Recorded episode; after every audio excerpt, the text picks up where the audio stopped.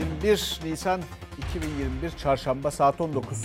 Fox Ana Haber'desiniz. Ben Selçuk Tepeli. Bugün etiketimizde nutkum tutuldu dedik. Niçin dediğimizi tahmin edersiniz. E, biliyorsunuz Mersin Çamlıyaylı'da Mustafa Bakkal, ilçe Milli Eğitim Müdürü Nutuk'u yasaklamış. Okullara girişin çıkışını. Bununla ilgili bir takım işlemler filan da başlatıldı. Ama sadece bu değil tabii.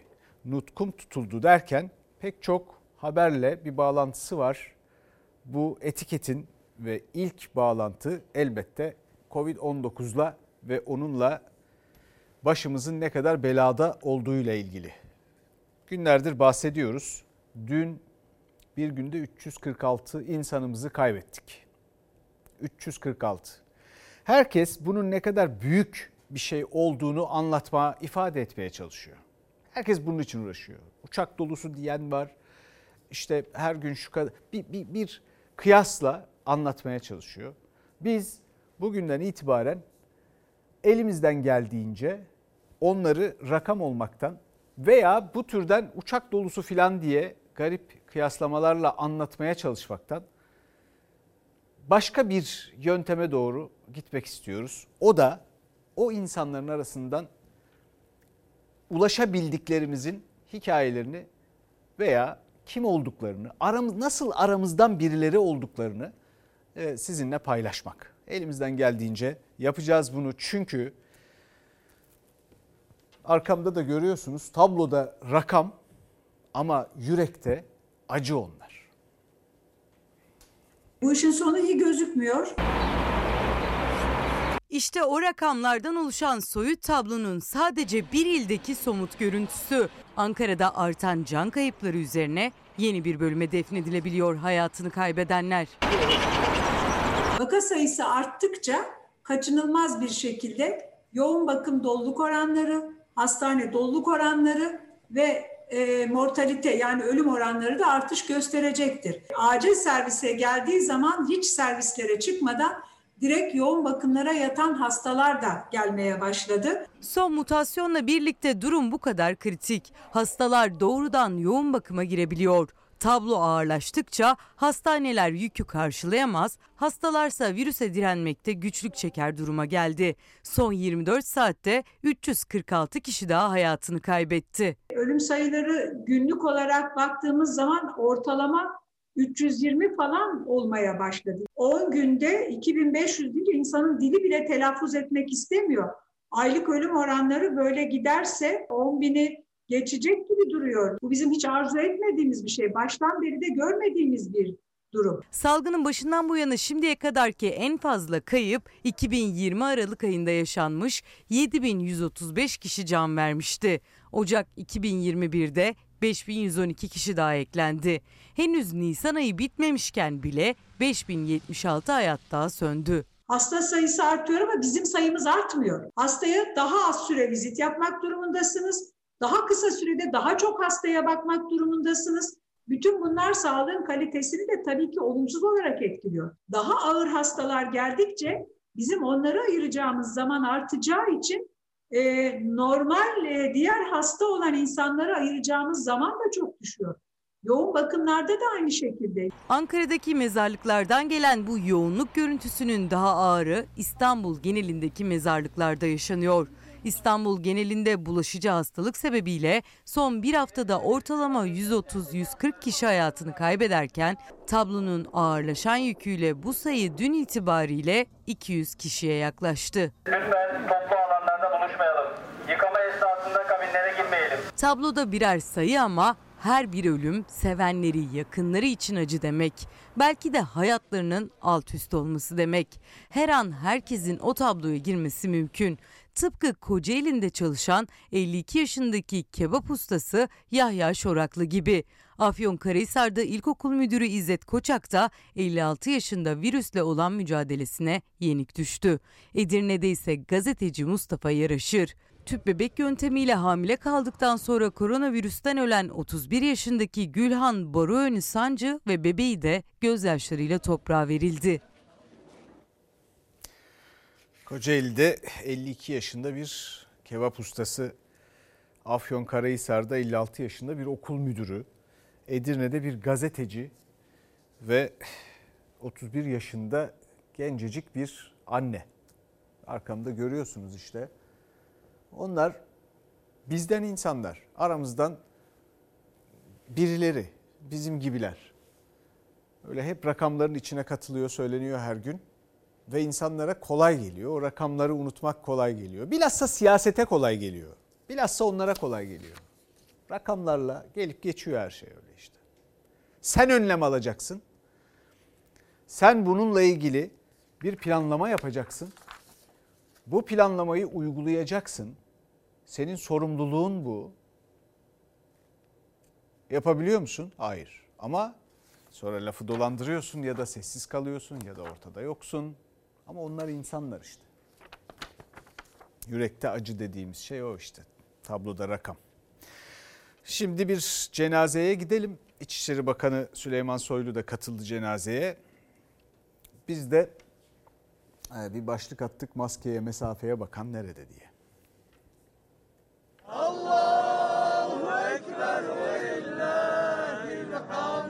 Tam da ödenemeyen sosyal mesafe cezalarına hacizler gelmeye başladığı, önlemlerin sıkılaştırıldığı, hayatını kaybedenlerin sayısında en üst noktaya ulaşıldığı sırada kaydedildi bu görüntüler. İstanbul'da Covid-19 nedeniyle hayatını kaybeden Hüsnü Bayramoğlu'nun cenazesinde.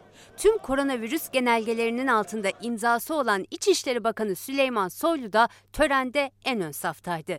Cenazedeki kalabalık ve sosyal mesafenin hiçe sayılması muhalefetin tepkisini çekti. O cenazeye katılmış, o kendi takdiri. O cenazedeki görüntü de bu. Hınca hınç birbirinin üstüne yüklenmiş, lebalebin lebalebi bir cenaze töreni. Bir buçuk metre denen mesafe 1.48 olunca mezurla ölçüp esnafa ceza kesiyorlar. İçişleri Bakanlığı'nın 1 Aralık'ta yayınladığı koronavirüs ile mücadele tedbirleri genelgesine göre cenaze namazlarına vefat edenlerin yakınları dahil 30 kişiden fazla kişinin katılması yasak. Üstelik yakınlarını koronavirüs nedeniyle kaybedenler tedbirler nedeniyle kayıplarının cenaze törenlerine katılamıyor bile. Hüsnü Bayramoğlu da Covid-19 nedeniyle hayatını kaybetti ama manzara buydu. Allah rızası için geri doğru çıkalım arkadaşlar. Önde izdiham var. Namazı kıldıracak hoca efendilere bile şu anda duracak yer yok. Cenaze namazını kıldıracak Diyanet İşleri Başkanı bile izdihamda yer bulamadı bir süre. Uyarı üstüne uyarı yapıldı. Çare olmadı. Aslında Eyüp Sultan Camii avlusu genişti. Tedbir alınabilirdi ancak cenazeye katılanlar arasında naaşı taşıma ve hatta tabutu cep telefonlarıyla görüntüleme yarışı yaşandı. Bu ülkede insanlar babalarının cenazesine 20 kitiyle katılıyor. 20. Evimin önünden geçireyim. Olmaz diyor.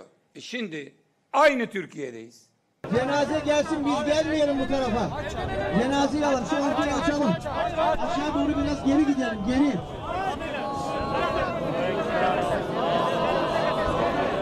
Aynı kalabalık defin işlemi sırasında da sürdü. Tedbirlerin hiçe sayıldığı açıkça görüntülere yansıyan İçişleri Bakanı Soylu'nun da bizzat içerisinde yer aldığı yani an be an tanık olduğu bu manzarayla ilgili bir yaptırım uygulanacak mı? Şimdi bu merak ediliyor. Bu cenazeyi görüyor ve cenazenin emniyetini emniyete sağlatıp kendi de gidip helallik istiyor. İnşallah sana Sayın Hüsnü Bayramoğlu hakkını helal eder. Ama bu millet helal etmez kardeşim. Haklarınızı helal ediniz. Siyaset bir yandan bu durumu, bu tabloyu ve bütün bu uygulamaları tartışmaya devam ediyor. Ee, Deva Partisi Genel Başkanı Ali Babacan da daha ileri aşamada bir kapanma gerekiyor diyerek gündeme katıldı. Sayın Erdoğan o meşhur inadıyla bildiğini okumaya devam etti. Yine uzmanlara ve bilime direndi ve sonuç ortada. Günde 350 kişi ya. Her akşam bir Soma faciası yaşıyoruz. Farkında mısınız? Gar katliamından dün akşam üç buçuk tane oldu. Farkında mısınız? E, iki uçak düşse her gün ancak bu kadar insan hayatını kaybeder. Covid salgını her gün yitip giden canlar. Muhalefetin tepkisi büyük. Sorumluluğu iktidara yüklerken kongrelere dikkat çektiler. Bilime direniliyor dediler. Lisede salon lebalep dolu. AK Parti kongreleri 10 bin olan vakayı 60 bin, 30'a düşen 40'a düşen ölümleri 360'a çıkardı. Maşallah. Coşkunuza teşekkür ediyorum. Vatandaşlarımıza maske dedi, mesafe dedi. Kendisi lebale kongreler düzenleyip Covid elçiliğine soyundu. Kılıçdaroğlu işi Sağlık Bakanlığı Bilim Kurulu'na saldırmaya kadar vardırdı. Vah zavallı. Bilim 15 gün tam kapanma dedi. Kendisi duymazdan geldi. Salgın büyüdü. Bilim 28 gün kapanma şart dedi. Kendisi oralı bile olmadı. Kapanma, yeni tedbirler hükümetin gündeminde mi? Yeni bir açıklama yok. Muhalefet kapanma istiyor. Gıda üretimi haricindeki her şeyin durdurulması, yani toplu taşım kullanma ihtiyacının minimuma indirilmesi, Tam daha ileri aşamada bir gerekiyor. kapanma gerekiyor şu anda. Aksi halde durdurmak çok zor olacak. Şimdi buradan da bir başka bakanlığa geçelim. Milli Eğitim Bakanlığı. Milli Eğitim Bakanlığı'nın da bir ısrarı var. Sınav ısrarı. Tablo ortada. Şu anda dünyada nüfusa orantıladığınız zaman birinci durumdayız ya. Açık ara hem de. Vaka sayısında, nüfusa oranla, can kaybında, aşılama hızında alıp başını gitmeye başladı pek çok ülke.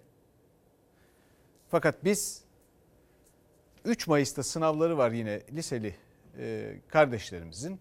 Onlar yine kafaları dağınık. Acaba bu sınav olacak mı olmayacak mı diye düşünüyorlar. Sayın Bakan da diyor ki bakarız. Ya burada bakılacak bir şey yok. Burada vakit nakit.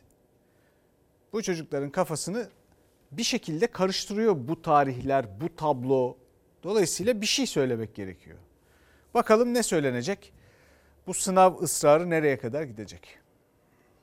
O zaman ne yapacağım? Hocalarımız tabloyu ortaya koyduklarında bunların tabii ki ertelenmesi gerekir. Yeniden bir tanzime ihtiyaç var denildiğinde inanın hiç tereddüt etmeyiz. Derhal yaparız. 3 Mayıs'a ertelenen lise sınavlarının tekrar ertelenip ertelenmeyeceği öğrenci, veli ve öğretmenlerin kafasındaki en büyük soru işareti. İki haftadan da kısa bir süre kalmışken belirsizlik sürüyor. Milli Eğitim Bakanı Ziya Selçuk tereddüt etmeden erteleriz dedi ama nihai karar için kabine toplantısını işaret etti. Ertelensin bence. Korona vakaları bayağı bir yüksek. Yani en azından azalmasını bekleyebiliriz. Bence ertelenmesin çünkü zaten bir sene içerisinde bu sinir stresle yaşıyoruz. Ertelenmeden bir an önce hayırlısıyla kurtulmak istiyoruz. Duygusal olarak da fiziksel olarak da bir korku içerisindeyiz. Gelecek kaygımız var. Yüz yüze bir eğitimin olmadığı dönemde yüz yüze bir sınav kabul edilemez. Sınavların ertelenip ertelenmeyeceği bilim kurulu verilerine ve istatistiklerine bağlı. Sınava kısa bir süre kala vaka sayılarının durumuna bakılacak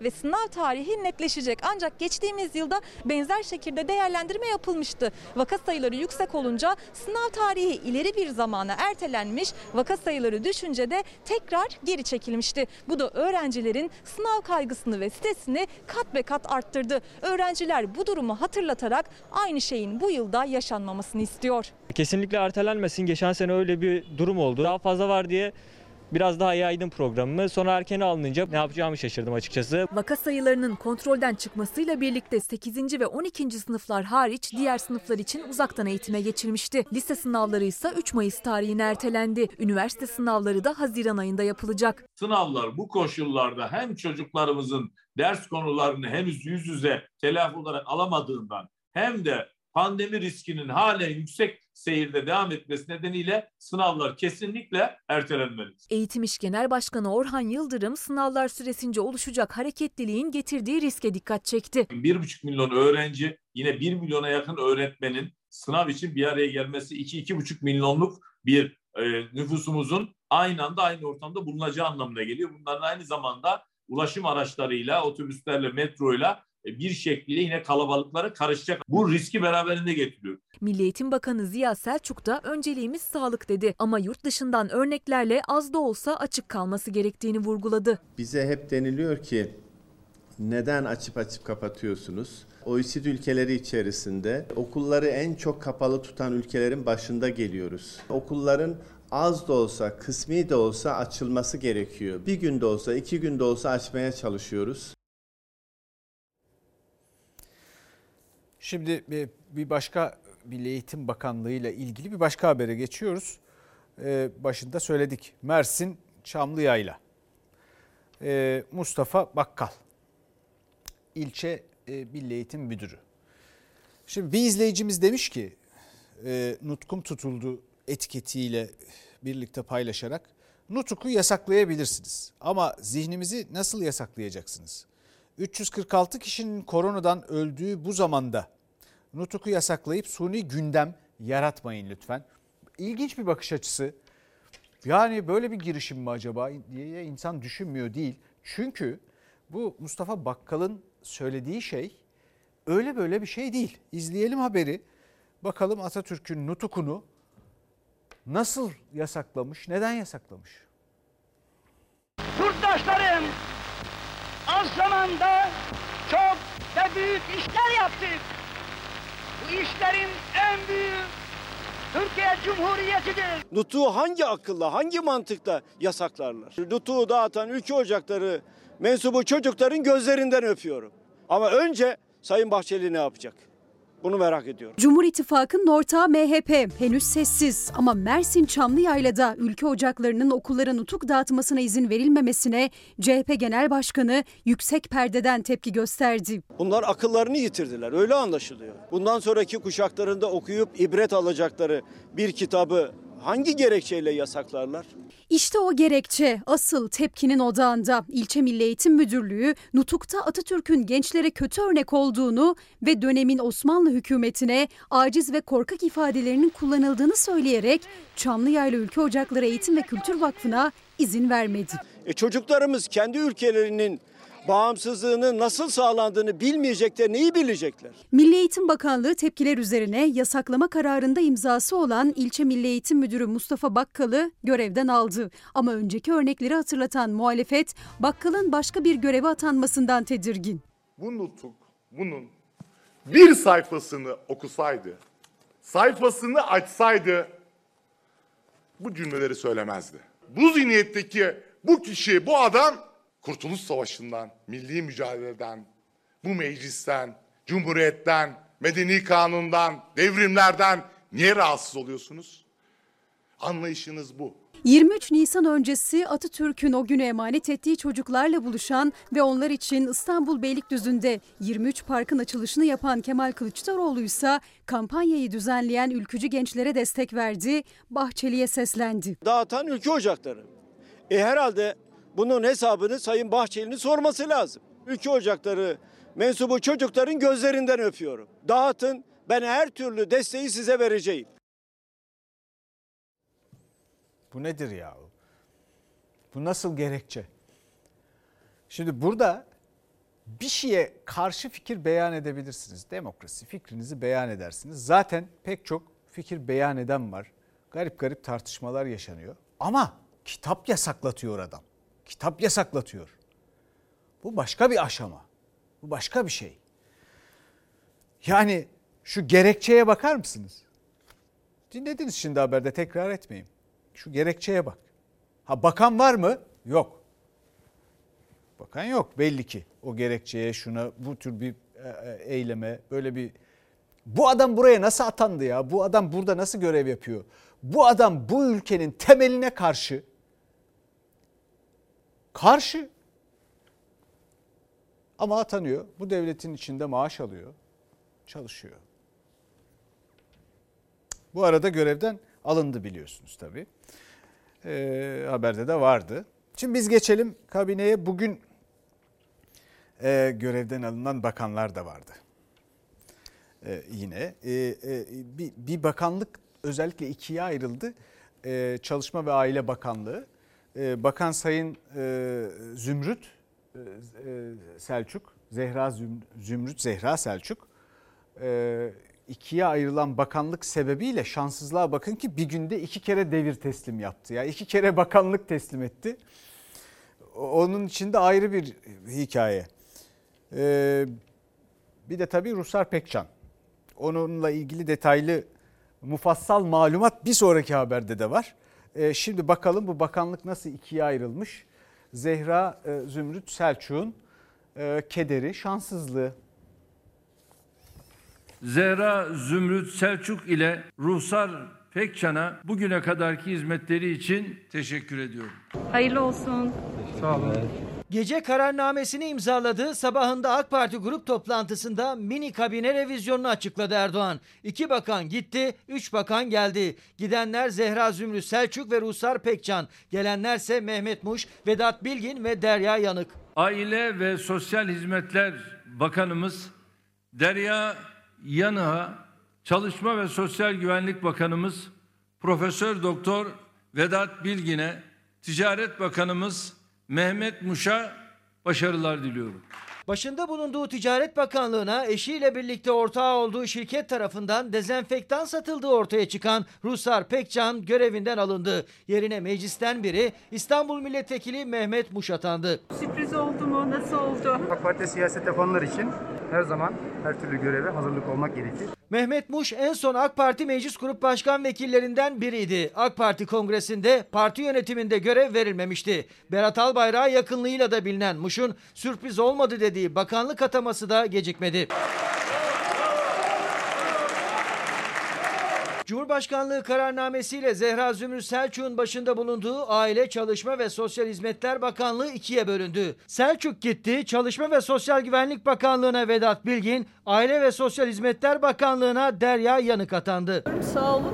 Ee, yemeğimizi yapacağız şimdi. Namusum ve şerefim üzerine and içerim. Derya Yanık hukukçu kimliğiyle biliniyor. Avukat, Kadın ve Demokrasi Derneği Kadem'inde yönetiminde bulunmuş isimlerden biri. Televizyon ekranlarında yorumcu olarak katıldığı programlarla ismini duyurdu. MHP lideri Bahçeli'nin de hemşerisi Osmaniyeli. Kaldığımız yerden hizmetlerimiz devam etsin. Çalışma ve Sosyal Güvenlik Bakanlığı'na getirilen Vedat Bilgin de geçmişte yolu Bahçeli ile kesişenlerden. TCD'de eski genel müdürlüğü ve Başbakan Başdanışmanlığı görevlerinde bulundu. 26. dönemde AK Parti Ankara Milletvekilliği yaptı. Cumhurbaşkanı Erdoğan'ın Başdanışmanlığı ve Sosyal Politikalar Kurulu Başkan Vekilliği görevini yürütüyordu. Hukukun üstünlüğüne, demokratik ve layık cumhuriyete ve Atatürk ilke ve inkılaplarına Siyaset kulislerinde uzun süredir bekleniyordu kabine revizyonu ama daha kapsamlı olacağı konuşuluyordu. Mini revizyon daha da genişler mi? Bölünen bakanlıklara yenileri eklenir mi? Sorularının yanıtıysa tek bir isimde Cumhurbaşkanı Erdoğan. Eski Bakan Selçuk e, iki bakanlığa ayrılınca teslim etmek konusunda bir şanssızlık yaşadı dedik elbette ama buna da epey yatırım yaptı hatırlıyorsunuz. Yani yoksulluğun kriterlerini e, bir takım yoksulluk kümeleri tespit edilmişti. Onları değiştirdiler. Sonra kendisi Sayın Bakan dedi ki Türkiye'de aşırı yoksulluk falan bir şey kalmadı. Yoksulluk da kalmadı. Açtık bunları biz dedi. Ülkenin uzun 10 yıllardır yaşadığı en yoksul günlerde bunu söyledi. Onun dışında başka söylediği şeyler de var. Ama neyse zaten e, artık e, iki bakanlık, o bakanlık bile yok. E, yeni bir kabine var. O yeni kabinede bir bakan yok. Dezenfektan skandalı bir bakanı bu ülkede yerinden, koltuğundan etti. 205 ile 210 arası bir hedefimiz var. Yolumuz açık olsun. Yükü daha da ağırlaştırdınız Yok, yok. Ruhsar Pekcan'a bugüne kadarki hizmetleri için teşekkür ediyorum. Görevden alınması güzel ama yeterli değil. Gereğinin de ayrıca yapılması lazım. Bu ülkede tüyü bitmemiş yetimin hakkını kimseye yedirmeyiz. Kabine revizyonunda adından en çok söz ettiren o oldu. Aslında ismi günlerdir gündemden düşmüyordu Ruslar Pekcan'ın. Eşiyle ortak olduğu şirketin başında bulunduğu Ticaret Bakanlığı'na pandemi döneminde milyonlarca liralık dezenfektan sattığı iddiasıyla oturdu gündeme. Sayın Ruslar Pekcan 9 milyon liralık dezenfektanı kendi şirketinizden bakan olduğunuz kuruma sattınız mı, satmadınız mı? 5 gün süren suskunluğun ardından iddiaları rakamlar farklı da olsa doğruladı Pekcan. Bir gün sonra da kabine revizyonuyla görevden alındı. Muhalefet yetmez deyip soruşturma başlatılmasını istedi. Görevden alınarak geceleyin dezenfektanla dezenfekte mi oldu şimdi Ruslar Hanım? Temize mi çıktı? Biz istifaya davet ettik, siz görevden aldınız ama yetmez. Benzer durumda birçok bakan ve siyasetçi olduğunu çok iyi biliyorsunuz. Kurduğunuz otoriter yolsuzluk düzenini yıkacak olan Gelecek Partisi ve savunduğu temiz siyasettir. İstifa etmesi gereken e, bakan sanki bir tür teşekkür gibi görevinden e, alındı. Görevden alma yetmez. Hakkında soruşturma açılması gerekiyor. Ruslar Pekcan eşiyle ortak olduğu şirketten koltuğunda oturduğu Ticaret Bakanlığı'na kendisinin verdiği rakamlarla KDV hariç 507.880 liralık dezenfektan satıldığını itiraf etti. Alım işleminin şirketi hizmetin adına göre değil verdiği ucuz fiyata göre yapıldığını da ekleyerek. Bakanlık koltuğundan bu yüzden mi oldu bilinmez ama muhalefet işin peşini bırakma niyetinde değil. Biliyoruz hangi gerekçeyle ayrıldığını, istifa ettiğini veya alındığını ama devletin uğradığı kaybın mutlaka telafi edilmesi lazım. Kamu ihale kanununa göre bu suç ihale yapan kurumun ihale ve onay yetkilileri ve yakın akrabaları ihaleye katılamaz. İhaleye katılamayacak olanları ihaleye katmak da TCK 235'e göre ihaleye fesat karıştırma suçunu oluşturur. Muhalefetin görevini kötüye kullanmak ve ihaleye fesat karıştırmakla suçladığı Ruslar Pekcan'ın kendisini görevden alan Cumhurbaşkanı'na sosyal medya hesabından teşekkür etmesi de dikkat çekti. Sayın Cumhurbaşkanımıza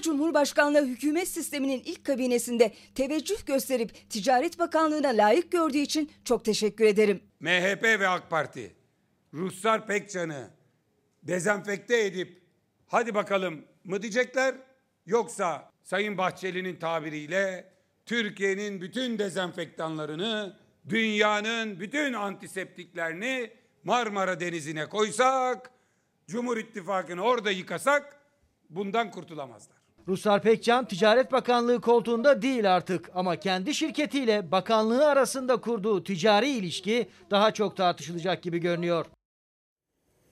E ama dün burada bahsettik. Yani bu millet biliyorsunuz e, Ruhsar Hanım'ın şirketi e, yani piyasada piyasadaki e, fiyatların bile bayağı altında bir fiyat vermiş.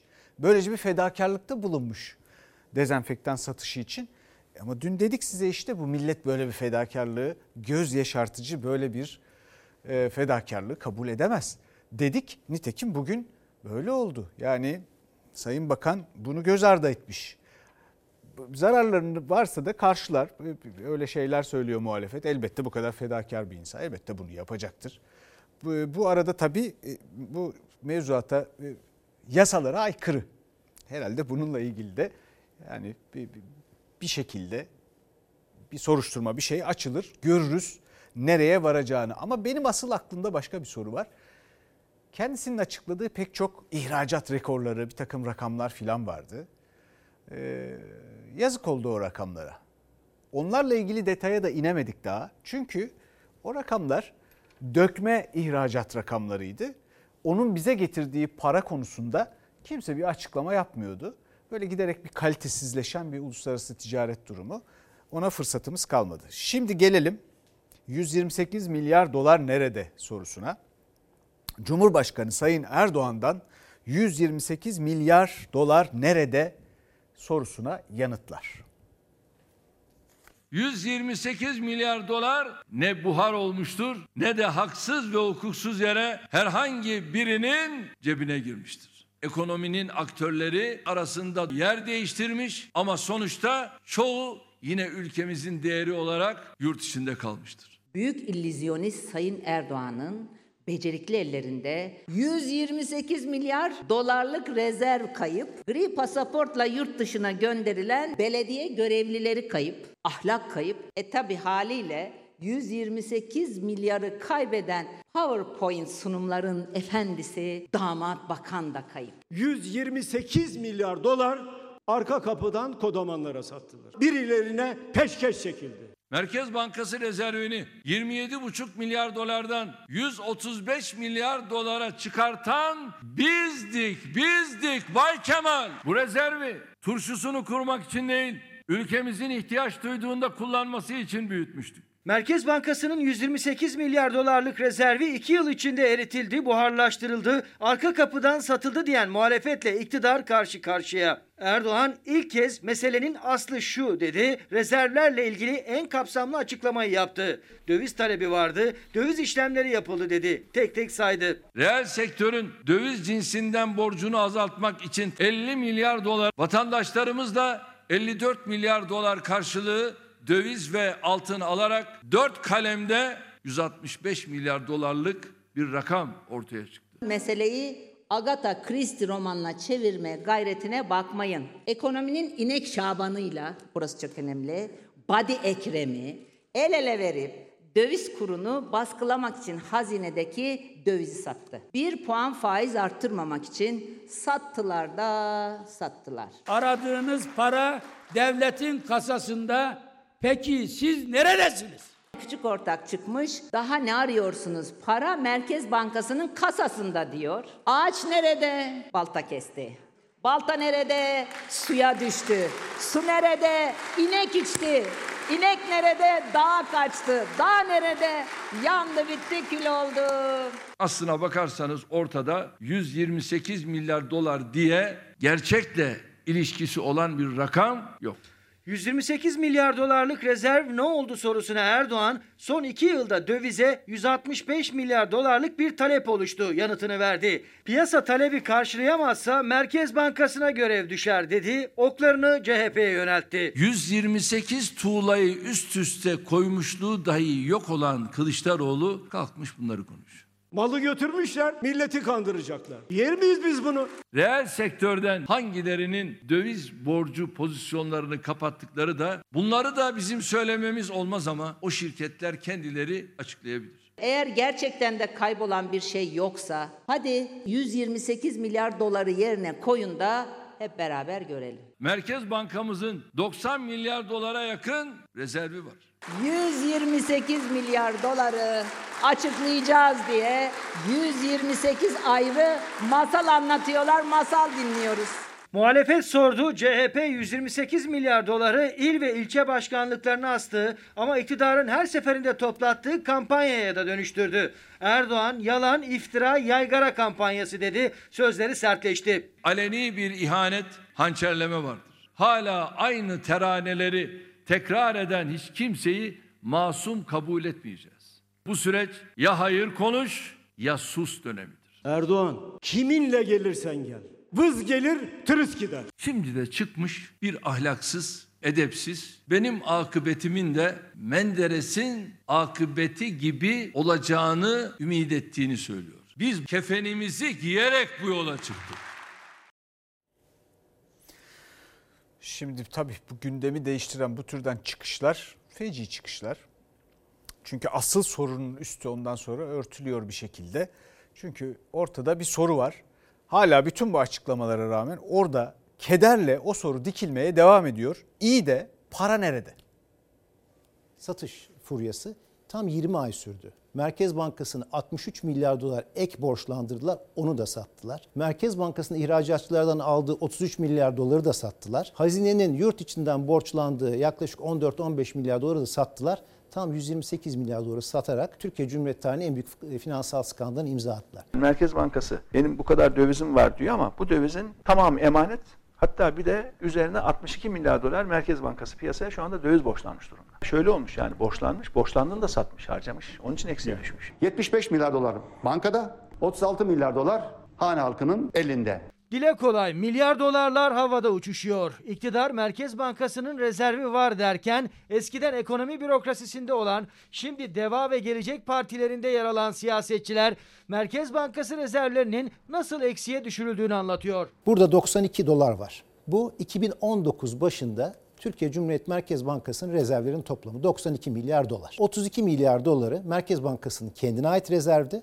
60 milyar doları da Merkez Bankası'nın bankalardan borç aldığı rezervdi. Kasada. Aradan 20 ay geçti. Heh. Bu 20 ay geçtikten sonra Berat Bey istifa etti. Merkez Bankası'nın kasasında o 92 milyar dolar 85 milyar dolara düştü. 85 milyar dolar kasasında para olan Merkez Bankası'nın 133 milyar dolar borcu oldu. İşte eksi 48 milyar dolar da buradan geliyor. Dünya üzerinde negatif Merkez Bankası rezervine sahip olan belki tek ülke haline geldi. 128 milyar doların buharlaşması, kaybolması gibi bir durum söz konusu değil. İsmail Küçükkaya ile Çalar Saat'te konuşan Gelecek Partisi Ekonomi Politikaları Başkanı Kerim Rota cebinden dolarları çıkardı. Aşama aşama rezervin nasıl eridiğini anlattı. İktidarın iddia ettiği gibi para ne vatandaşta ne de kasada dedi. 128 milyar dolar birilerine gitmiş. Para ne oldu değil, kime gitti? Dolar 10 lira olacak ya, 15 lira olacak ya, 6 liradan 7 liradan toplayalım dolarları. Ha 10-15'e satarız. Dolar düştü 5 liraya. Berat Bey işte doları nasıl düşürdük bundan sonra çok beklersiniz dediğinde aslında bu satışlar başlamıştı. Ona güveniyorlardı. Eldeki cephane tükenince arka arkaya Türkiye döviz krizleri yaşamaya. Karşılıklı açıklamalar, iddialar. iki tarafta birbirinin sözlerini yalanlıyor. Yanıt aranan tek soruysa para nerede? Şimdi burada üç çok önemli nokta var. Bunlardan bir tanesi Sayın Cumhurbaşkanı'nın söylediği ya hayır konuş ya sus dönemi. Bu çok tehlikeli bir laf. Bu çok feci bir laf. Bu, bu söz hakikaten yenilir yutulur bir şey değil. Niye? E çünkü insanlar bu rezerv milletin parası, vergisi, emeği, çalışması, hakkı zor zaman akçesi. Onunla ilgili soru sormayacak da ne yapacak? Kaldı ki ha doğru bir tarafı var. Ya hayır konuş ya sus dönemi. Bu soruyu sormak hayır. Sormak lazım insanların bunu öğrenmesi lazım. Hayır geleceğimiz için. Ekonominin yönetimi idaresi için hayır. Şimdi yabancı çıkışına 31 milyar dolar gitmiş Sayın Cumhurbaşkanı'nın söylediğine göre. Soru şu neden? Yabancı neden çıktı? Reel sektör borcuna 50 milyar dolar gitmiş. Reel sektör diye bahsettiğimiz dışarıdan aldıkları borç onun ödemesi gelmiş, ödenmiş. Kim bunlar? Kendileri de açıklasalar e, ben isterim. E, Sayın Cumhurbaşkanı da istiyor. Umarım açıklarlar kimmiş onlar. O ödenen borçları karşılığında bir ipotek, bir teminat alınmadı mı? Bunlar hazine garantileri garantili e, projelerle ilgili miydi? Hazine garantili projelerle ilgili ise eğer borçlarını ödeyemedilerse batmasınlar diye yabancılara borçları ödendiyse bu insanların o zaman bir teminat bir şey alınması lazım değil mi? Karşılığında. Alınmadı mı? Sonra e, cari açık finansmanı var. Şimdi Ruhsar Pekcan'a dönelim. Oraya da 30 milyar dolar gitmiş. Ruslar Hanım diyordu ki dış ticarette, ihracatta rekorlar kırıyoruz. E 30 milyar da oraya gitmiş. Demek ki Ruslar Hanım orada yanılmış. Bu yüzden gitmiş o da belki. Efendim Sayın Cumhurbaşkanı'nın son bir söylediği bir şeyle bitiriyorum. Kendileri dediler ki turşusunu mu kuracaktık? Yani bu rezervin paranın. Ya o kadar ilginç bir laf ki bu. Bankacılık zaten para turşuculuğu demek. Yani paranın turşusunun kurulduğu yer. Siz de varsa zor zamanda kullanmak için alıyorsunuz. Yoksa başkasını turşusundan alıyorsunuz. O da size göre orada üretiyorlar filan. Şimdi zor zamanda kullanmak için gerçekten turşusunu kurmamız lazımdı o paranın. Nitekim salgın zamanı işte ne kadar lazım oldu o turşu şimdi en zor kış şartlarında aç kaldık o turşuyu kullanamadık. Tam da o ihtiyaç akçesi, ihtiyat akçesi işte turşu demekti. Turşusunu kurmak gerekiyordu. Şimdi bugünün tablosuna bakalım. Bu salgının şartlarının ne kadar zor olduğunu bir kere daha yüzümüze tokat gibi vursun görelim. Bugün 61.967 vaka sayısı bu yine en yüksek seviyede. Bugünkü can kaybımız 362 362 insanımızı kaybettik. Böyle bir rakam görmemiştik. İşte biz de bu yüzden zaten onların arasından bizim gibi insanlar seçip paylaşmaya çalışıyoruz. Ne kadar becerebilirsek, başarabilirsek. İyi bir haberle devam edelim. Ee, Cumhurbaşkanı Sayın Erdoğan bugün iyi haberler de verdi. Ee, gerçi hepsi hayırlı şeyler. Bu rakamların konuşulması falan güzel şeyler. Çok öğretici oluyor. O bakımdan da teşekkür ediyoruz kendisine. Kısa çalışma ödeneği 3 ay uzatıldı. Onun için de Allah razı olsun. Tüm sektörler için geçerli olmak üzere Nisan, Mayıs ve Haziran aylarını kapsayacak şekilde kısa çalışma ödeneği uygulamasına devam edilme kararı aldık. 3,8 milyon kişi yararlanmış 31 Mart'ta sona ermişti. Aradan geçen 2 hafta sonunda yeniden uzatıldı kısa çalışma ödeneği. Cumhurbaşkanı Erdoğan bizzat duyurdu. Hazirana kadar kısa çalışma ödeneğine devam dedi. Turizm sektöründe Mayıs sonu sona eren KDV indirimlerinin Haziran sonuna kadar devam etmesinin de yararlı olacağını değerlendirdik ve bu konuda karar aldık. Turizm sektörü temsilcileriyle buluşmasında açıkladı alınan kararları Erdoğan. Turizmcilerin de KDV indirimi uzatıldı. Aynı dakikalarda da İyi Parti grup toplantısında kürsüden yaşlı gözlerle kadro isteği sesi yükseldi. Bizlerin dışarıda olmamızın nedeniyle çocuklarımızı eve kilitliyoruz. Konuşamayacağım genel başkan. Yani ben burada siyaset yapmıyorum. Ama gerçekten pandemi sürecinde biz çok zorluklar yaşadık. Adem Atacan 4 beyli yani kamuda sözleşmeli memur. Aynı zamanda Sözleşmeli Memurlar Derneği Başkanı. Kürsüden kendisi gibi 510 bin sözleşmeli personelin isteklerini dile getiriyordu. Tayin hakları olmaması, ailelerinden, çocuklarından ayrı kaldıklarını dile getirdiği anlarda gözleri doldu, boğazı düğümlendi, konuşamadı. Kürsüden indi. Konuşamayacağım genel başkan. Candan aziz ne var? Evlattır. Buradan iktidara seslenmek istiyorum. Gelin söz verdiğiniz gibi dört bellerin kadro sorununu çözün. Akşener iktidara seslendi. Kadro çağrısı yaptı. Dört beyli çalışan ve yeni anne olan bir hemşirenin yaşadıklarını da dile getirdi. 4B sözleşmeli bir hemşire kardeşimiz doğum yapıyor. Bebeğini Mersin'deki annesine bırakıp görev yaptığı Mardin'e geri dönüyor. Anne sütünü sağıyor. Kargo ile Mardin'den Mersin'e gönderiyor. Kargo süresi uzayınca anne sütü bozuluyor. Bir anneye reva görülen zulme bakar mısınız? Ekonomideki şahlanma polemiği de sıcak başlık. Bu ülkede Allah'ın izniyle ekonomiyi şahlandıracak olan da biziz. Yine aynı hikayeyi anlatıyor. Patates, soğana muhtaç hale getirilen milletimiz şahlanmıyor. Patates, soğan güle güle Erdoğan. Kısa çalışma ödeneğini sürekli gündemde tutan haber merkezindeki arkadaşlarıma da teşekkür ediyorum. Ayrıca e, bu uzatmada onların da emeği payı büyük. Türkiye ekonomisinin şahlanmasına gelince şunu şurası da birkaç hafta önce bir paket açıkladı Sayın Cumhurbaşkanı yine hatırlıyorsunuz. Ne oldu?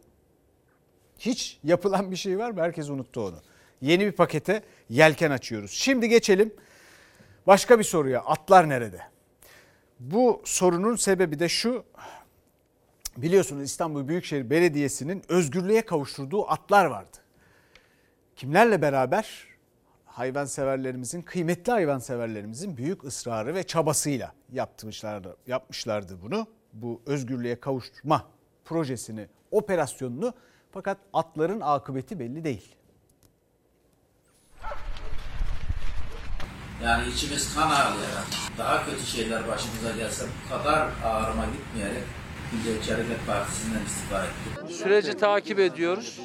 E, raporu istedik. Hatay Dört Yol Belediyesi'nin İstanbul Büyükşehir Belediyesi'nden sahiplendiği 100 attan 99'u kayıp. Atlar nerede? Kimse bilmiyor. Dört Yol Belediye Başkanı Partisi MHP'den istifa etti. Kayıp atlar siyasi kriz yarattı. Turizm amaçlı da olsa, göstermelik de olsa vicdani sorgulamamla şahsen ben de e, karşıyım. Adalarda fayton zulmünden kurtuldular. O istenmeyen can yakan görüntülerin ardından artık özgürce koşmaya başlamaları herkesi sevindirmişti. İstanbul Büyükşehir Belediyesi fayton taşımacılığını bitirdikten sonra atları satın aldı ve doğal hayat sürmeleri için Türkiye'nin dört bir yanına sahiplendirdi. Gittikleri adreslerden biri de Hatay Dört Yoldu. Soruşturması devam ediyor. Onlar sonuçlanana kadar da efendim, bir daha yorum yapmayacağız. Verdikleri atların durumunu takip etmek için İstanbul Büyükşehir Belediyesi belediyeden rapor istedi ama rapor bir türlü gelmedi. Dört Yol Belediye Başkanı ve belediye memurunun atları teslim aldıklarına dair imza var. Ama fiziki olarak teslim almadık, teslim ettiğimiz kişi elinden kaçırmış diyerek kendilerini savundular. Atlar nereye kaçtı, şimdi nerede? Soruşturma başlatıldı. Atların sucuk yapıldığı iddiası asılsızdır. İnsanların attan sucuk yapmaya ihtiyacı yok. Atları teslim ettiğimiz kişi atları elinden kaçırdı. Belediye Başkanı Fadıl Keskin'in atların kaybolmasının ortaya çıkmasının ardından partisi MHP'den istifası da dikkat çekti. İstanbul Büyükşehir Belediyesi de soruşturmayı yakın takipte. Raporu e, istedik arkadaşlarım. Hem Dört Yol Belediyesi hem hukuki süreci takip ediyor. Bunu kaç kere o dönemde gündeme getirmeye çalıştım. İşe yaramayan atı insanlar hayatta tutmaz. Hayatın gerçekleri böyle. Dünyanın her yerinde bu türden faytonlar çeken atlar var ve bu ülkenin otoriteleri, bu ülkenin belediye başkanlığı veya belediyesi o atları sağlıklı bir biçimde o faytonların önünde tutamadı. Adalar ne oldu? Orası da rezil bir yere dönüştü. Niye? Oranın birlikte yaşadığımız, paylaştığımız canlıları o atlar. Düzgün bakılabilseydi, kontrol edilseydi hayatta olurlardı. Şimdi ne var? Elektrikli bir takım zımbırtılar var orada. Başka bir şey yok. Efendim otobüs kazası var. Başımıza gelen bugün bir can kaybı var ve sebebi telefona bir bakış.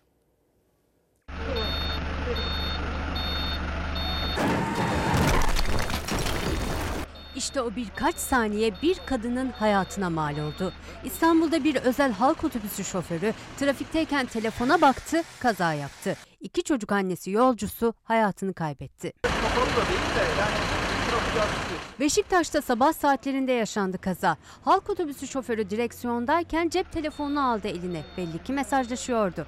Direksiyon hakimiyetini kaybetti. Girdiği tünelin duvarına çarparak durabildi. Duvar kenarındaki bariyerler otobüse ok gibi saplandı. Hadi şimdi. Hadi şimdi. O demirde aldığı gibi de arada kadına, kadına mecburen şurasına çatladı da. Orada öldü yani. Yolculardan Sevgi Yamaç Yalçın hayatını kaybetti. İki çocuk annesiydi. Sultan Gazi'de oturuyor, Beşiktaş'ta bir gazetede aşçı olarak çalışıyordu. O otobüse de işe gitmek için binmişti. Şoförün ihmali iki çocuğu annesiz bıraktı. Şimdi bir ara. Bugün e, İlham veren, Adımlar isimli bir kitap var elimde. Bu bir proje, İlham Veren Adımlar. 40 yazardan 40 ilham veren kadın hikayesi. İstanbul Vakfı tarafından e, yapılan bir proje, yürütülen bir proje bu. Ve bu kitabın içinde 40 önemli yazarımızdan ilham veren 40 kadının hikayesi var. Mesela Serhan Bali, Leyla Gencer'i yazmış. Efendim Neslihan Demir, milli voleybolcumuz. Nezihe Muhittin, gazeteci, yazar, kadın hakları savunucusu. Efendim e, Çağla Büyükakçay, Murat Ağaca yazmış gibi. Ve bunun geliri e, kız çocukları için bir bilim merkezi yapmakta kullanılacak. O bakımdan da kolaylıklar dileriz. Bizden sonra Masumiyet dizisi var yeni bölümüyle. Bu akşamlık bizden bu kadar. Sofranız bol olsun. Yarın görüşmek üzere. Kuzusuna kurdular Yunus'una Emrah'a Bütün alem kurban benim yurduma